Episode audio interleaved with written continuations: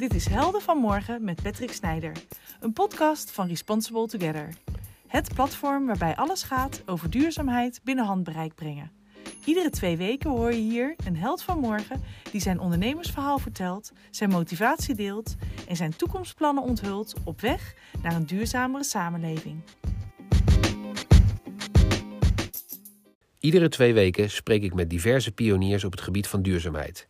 Ondernemers die uit overtuiging een eerste stap in de goede richting gezet hebben en vraag ik wat hen ertoe gezet heeft om voorop te lopen in alle ontwikkelingen met alle risico's van dien, waar ze momenteel aan werken en wat hun ambities zijn voor de toekomst.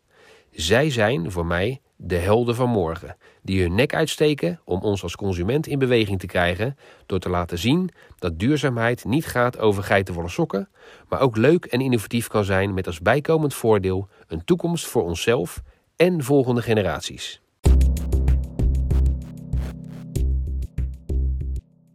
Vandaag spreek ik met Damir Perkic, de oprichter van Bio Lifestyle, een ondernemer die wil aantonen dat materialen van producten hun oorsprong ook gewoon in de natuur of bepaalde reststromen kunnen vinden. Zoals het eerste product, de BioBottle. Een drinkfles gemaakt van afvalstromen van suikerriet. Kortom, een echte klimaatpositieve drinkfles. Hartelijk welkom Damir. Onze podcastserie heet uiteraard Helden van Morgen. Maar voordat we beginnen, Damir, ben ik heel erg benieuwd wie eigenlijk jouw held van morgen is en waarom.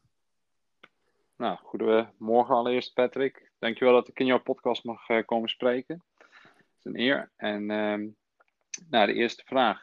Wie is mijn held van morgen? En daar heb ik even over nagedacht.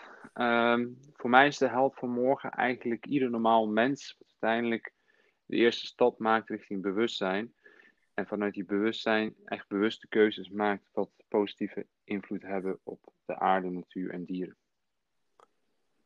Heel mooi. Mooi antwoord, uh, Damir. Uiteraard wil ik zo graag alles horen over jouw product, jouw onderneming en jouw ambities. En toch ben ik allereerst heel benieuwd naar jou als persoon en jouw visie op duurzaamheid. Hoe zou jij jezelf en onze luisteraars, aan onze luisteraars willen voorstellen? En hoe kijk jij tegen duurzaamheid aan? Nou, allereerst, ik ben uh, dus Damir Perkic. Ik ben 31 jaar oud. Ik kom uit Nijmegen. Mijn oorsprong ligt in voormalig Joegoslavië. Um, en ik ben in 1995 hier in Nederland gekomen toen ik zes was, samen met mijn ouders. Nou, voor mij ligt, ja, hoe, ga ik om met duurzaamheid? Allereerst is dat gewoon een, een lifestyle voor mij. Um, ik merk sinds ik steeds meer bezig ben met het uh, creëren van mijn eigen bewustzijn en steeds helderder ben gaan denken. En dat komt ook door middel van meditatie, uh, maar ook inzichten die ik kreeg uh, tijdens verschillende cursussen die ik heb gedaan. kwam ik steeds meer tot de realisatie dat we eigenlijk gewoon de eenheid met natuur kwijt zijn geraakt.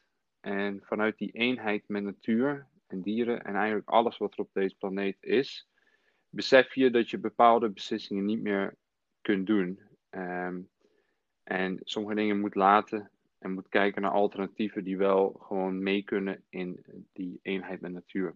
En denk aan uh, aardolie laten waar het hoort, en dat is onder de grond.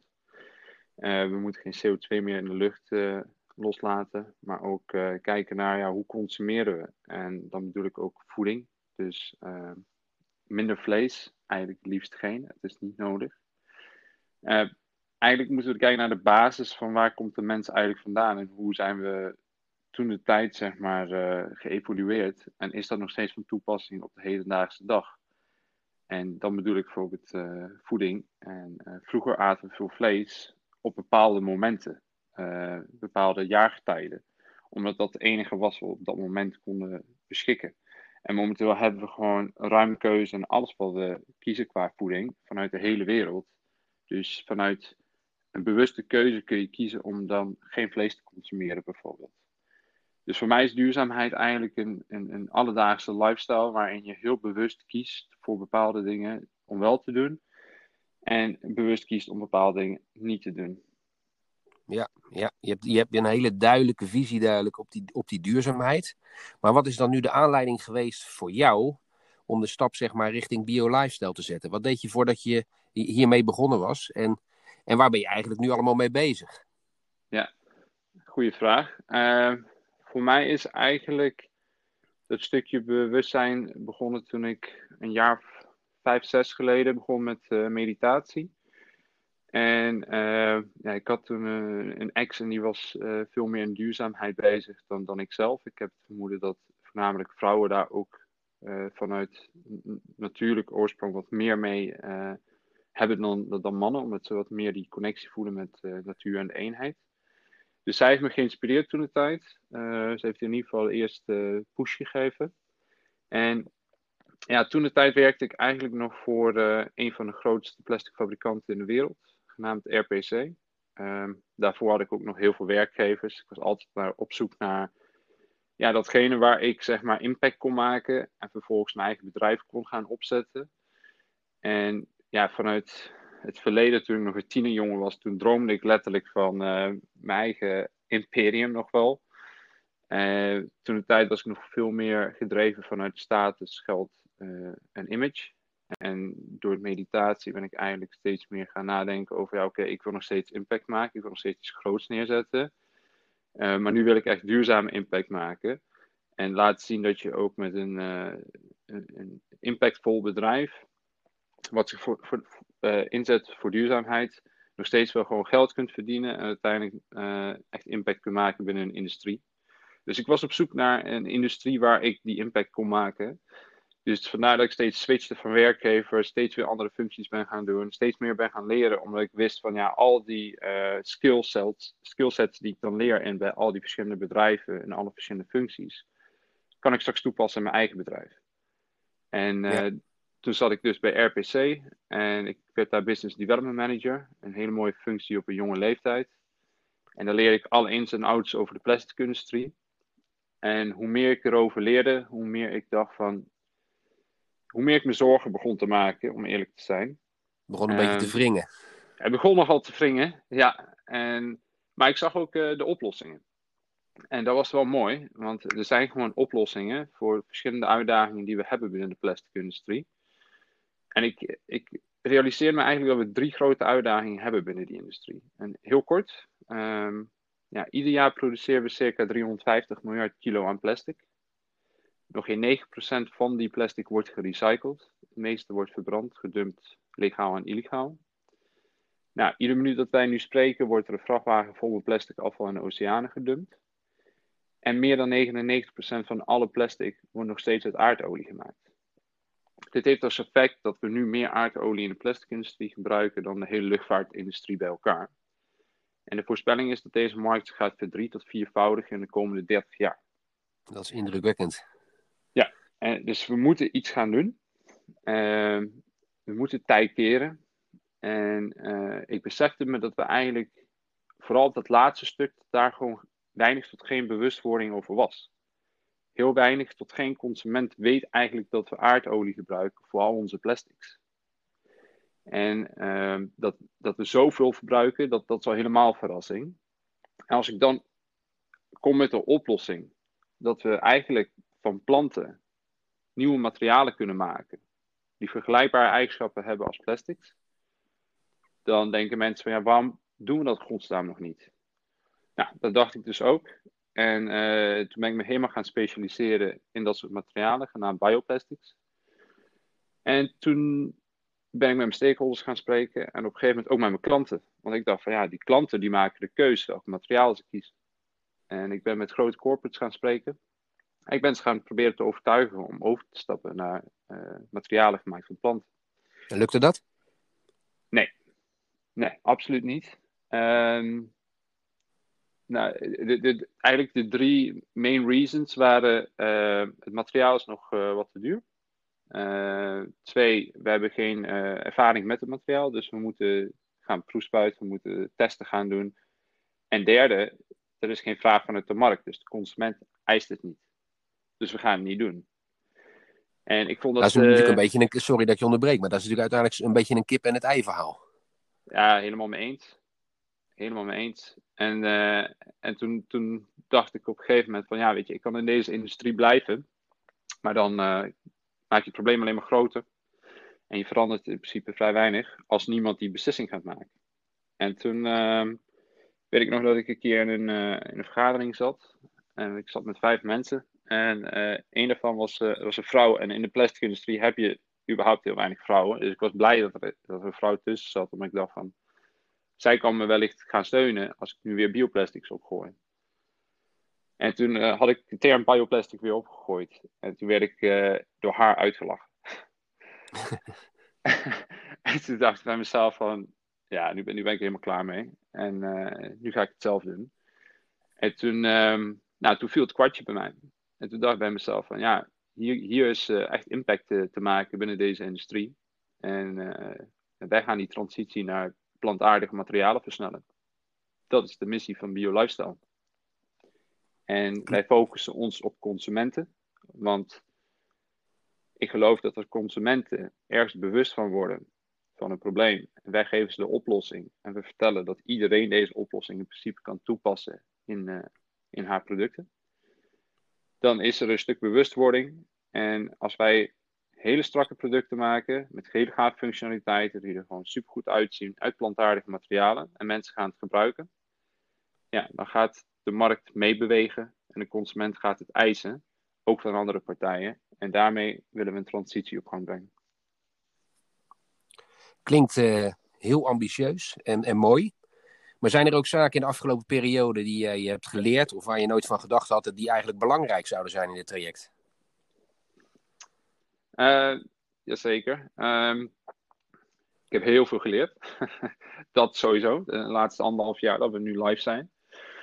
Uh, wat ik het voornaamst. Ja, er zijn heel veel verschillende aspecten die ik heb geleerd vanuit verschillende afdelingen, zeg maar even. Uh, als ik bijvoorbeeld kijk naar marketing, dan heb ik nu heel erg goed geleerd dat je het zo simpel mogelijk moet houden. Zonder die informatie tenminste. Dus je moet wel transparant zijn, maar wees zo simpel mogelijk en, en communiceer effectief mogelijk naar precies jouw doelgroep. En heb in ogen wie jouw doelgroep is en focus je precies daarop. En denk niet vanuit wat wil jij, wat, wat is onze why, maar wat is de why van, jou, van, jou, van jouw doelgroep? Wat, is, wat, wat zorgt ervoor dat zij of hij iedere ochtend wakker wordt met een gevoel van yes, ik ga deze dag weer beginnen ik ga impact maken. Ik, ik ga mijn leven leiden, maar wel op een manier waardoor ik me gewoon goed voel.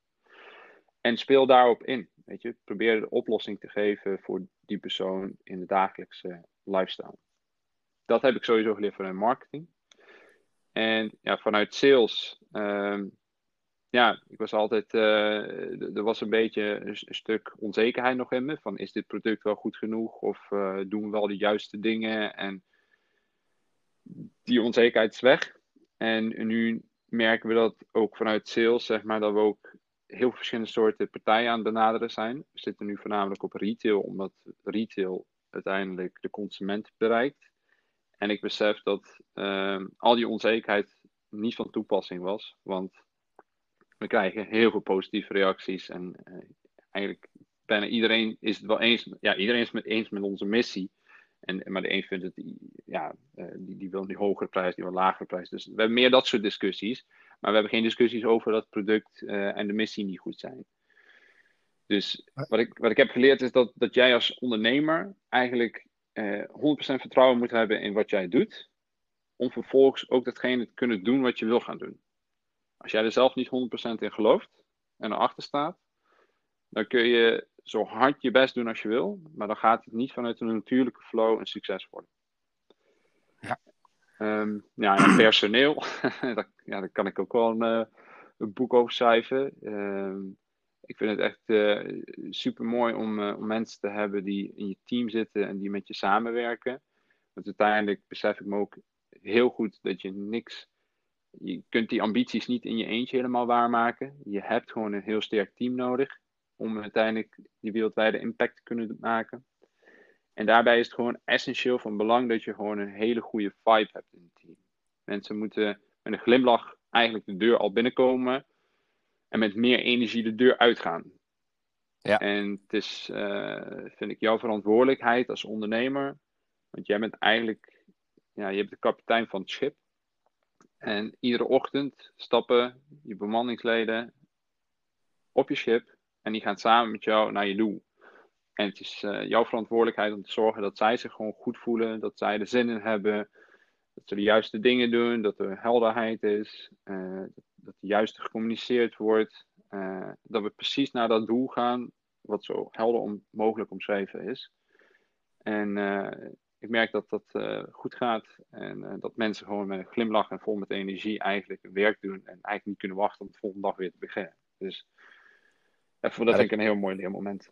Nou, dat klinkt zeker heel mooi. Het lijkt alsof de puzzelstukjes een beetje op de juiste plek vallen, zeg maar, voor bio-lifestyle. Zijn er daarnaast eh, ook nog zeg maar, zaken waarvan je wel wakker ligt? Kijk, eh, bijvoorbeeld de ontwikkelingen rondom corona of andere zaken waar jij je toch zorgen over maakt? Mm.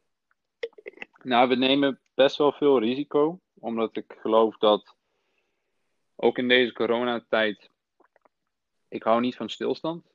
Uh, soms is het nodig om even te beseffen van, om, om besef te hebben van hoe ver je eigenlijk bent gekomen in je ontwikkeling en alles te laten landen en dan weer door te kunnen gaan. Nou, in het begin had ik die stilstand met corona. En toen besefte ik me eigenlijk dat uh, heel veel bedrijven om ons heen zijn juist aan het, uh, zijn juist aan het besteden, zijn juist niet, niet meer aan het innoveren, zijn niet meer aan het investeren. Eh, en die zitten in een bepaalde stilstand. En ik ben van mening dat je juist in deze rustige tijden ook door kunt blijven gaan innoveren. En dat doen we. En we zijn met echt hele gave nieuwe dingen bezig. Nieuwe producten, nieuwe materialen zelfs. Ehm, waar ik nog niet te veel over kwijt kan. Maar dat komt in de komende weken, maanden, wordt dat steeds meer duidelijk.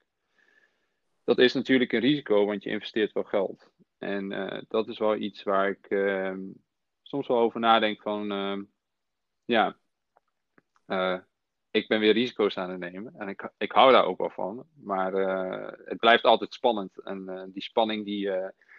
ja, die houdt me soms wel wakker. Maar die geeft me ook heel veel energie.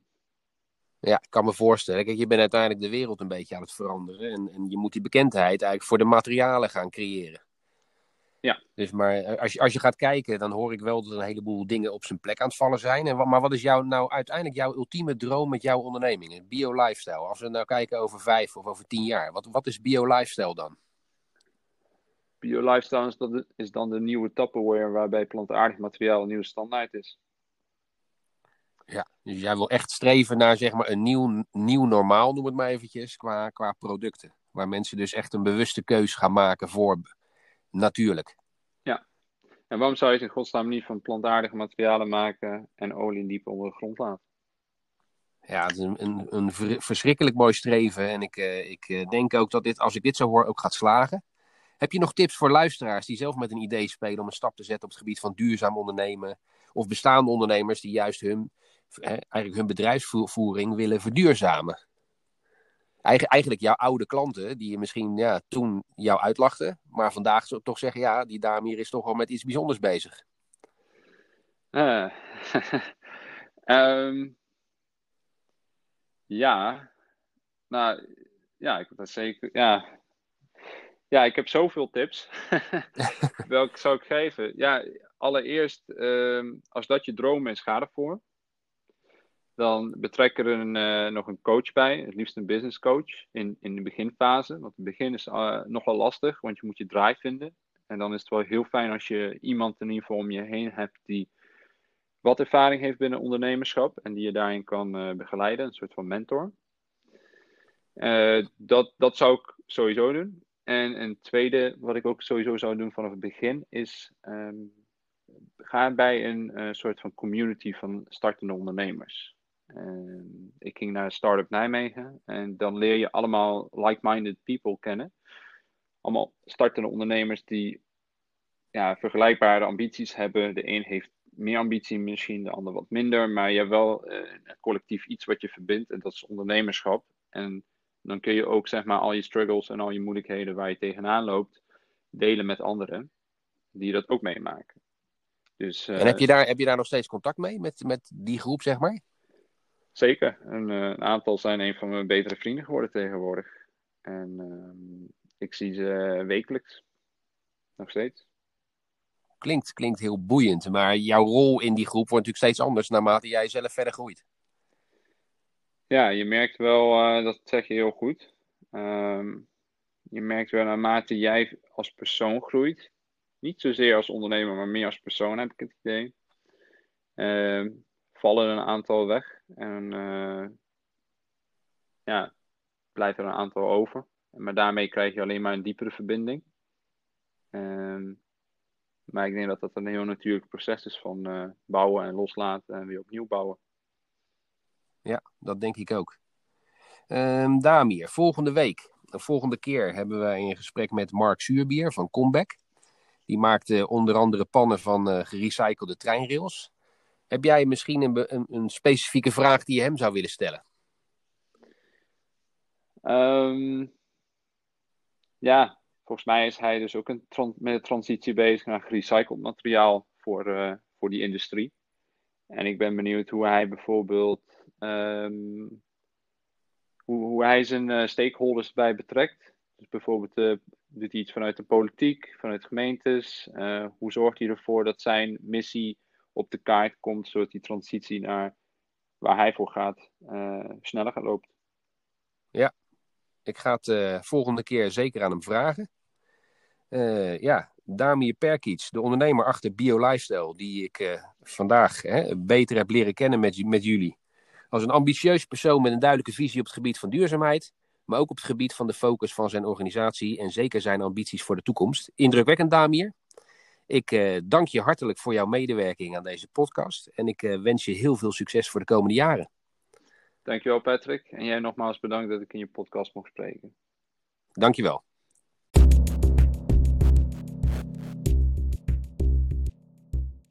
Je luisterde naar de Helden van Morgen podcast van Responsible Together. Deze week in gesprek met Damir Perkic, waarin we hem hebben leren kennen als een ambitieuze ondernemer, gedreven door een overtuigende visie op duurzaamheid. Een held van morgen die zijn oude industrie de rug durfde toe te keren en als doel heeft te laten zien dat bioplastic de toekomst is. Met de introductie van de biobottle heeft hij al aangetoond dat hij in staat is om van planten een drinkfles te maken die niet alleen innovatief is, maar ook nog eens gefabriceerd wordt zonder gebruik te maken van aardolie. Velen van jullie zullen zich ook niet gerealiseerd hebben dat aardolie zo'n belangrijke rol in de plastic-industrie speelt.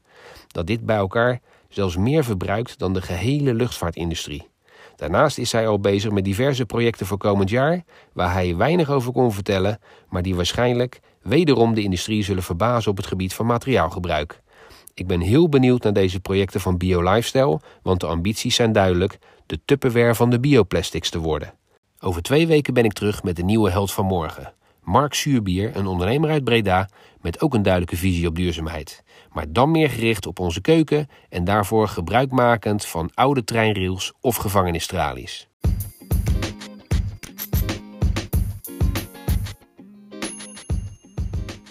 Dit was de Helden van Morgen podcast voor deze week.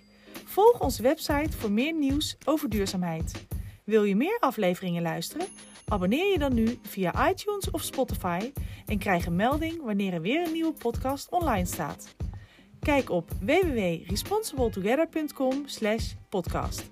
Vergeet ook niet om lid te worden van onze Responsible Together community. Zoek op Facebook naar Responsible Together Community of kijk voor de links in de show notes.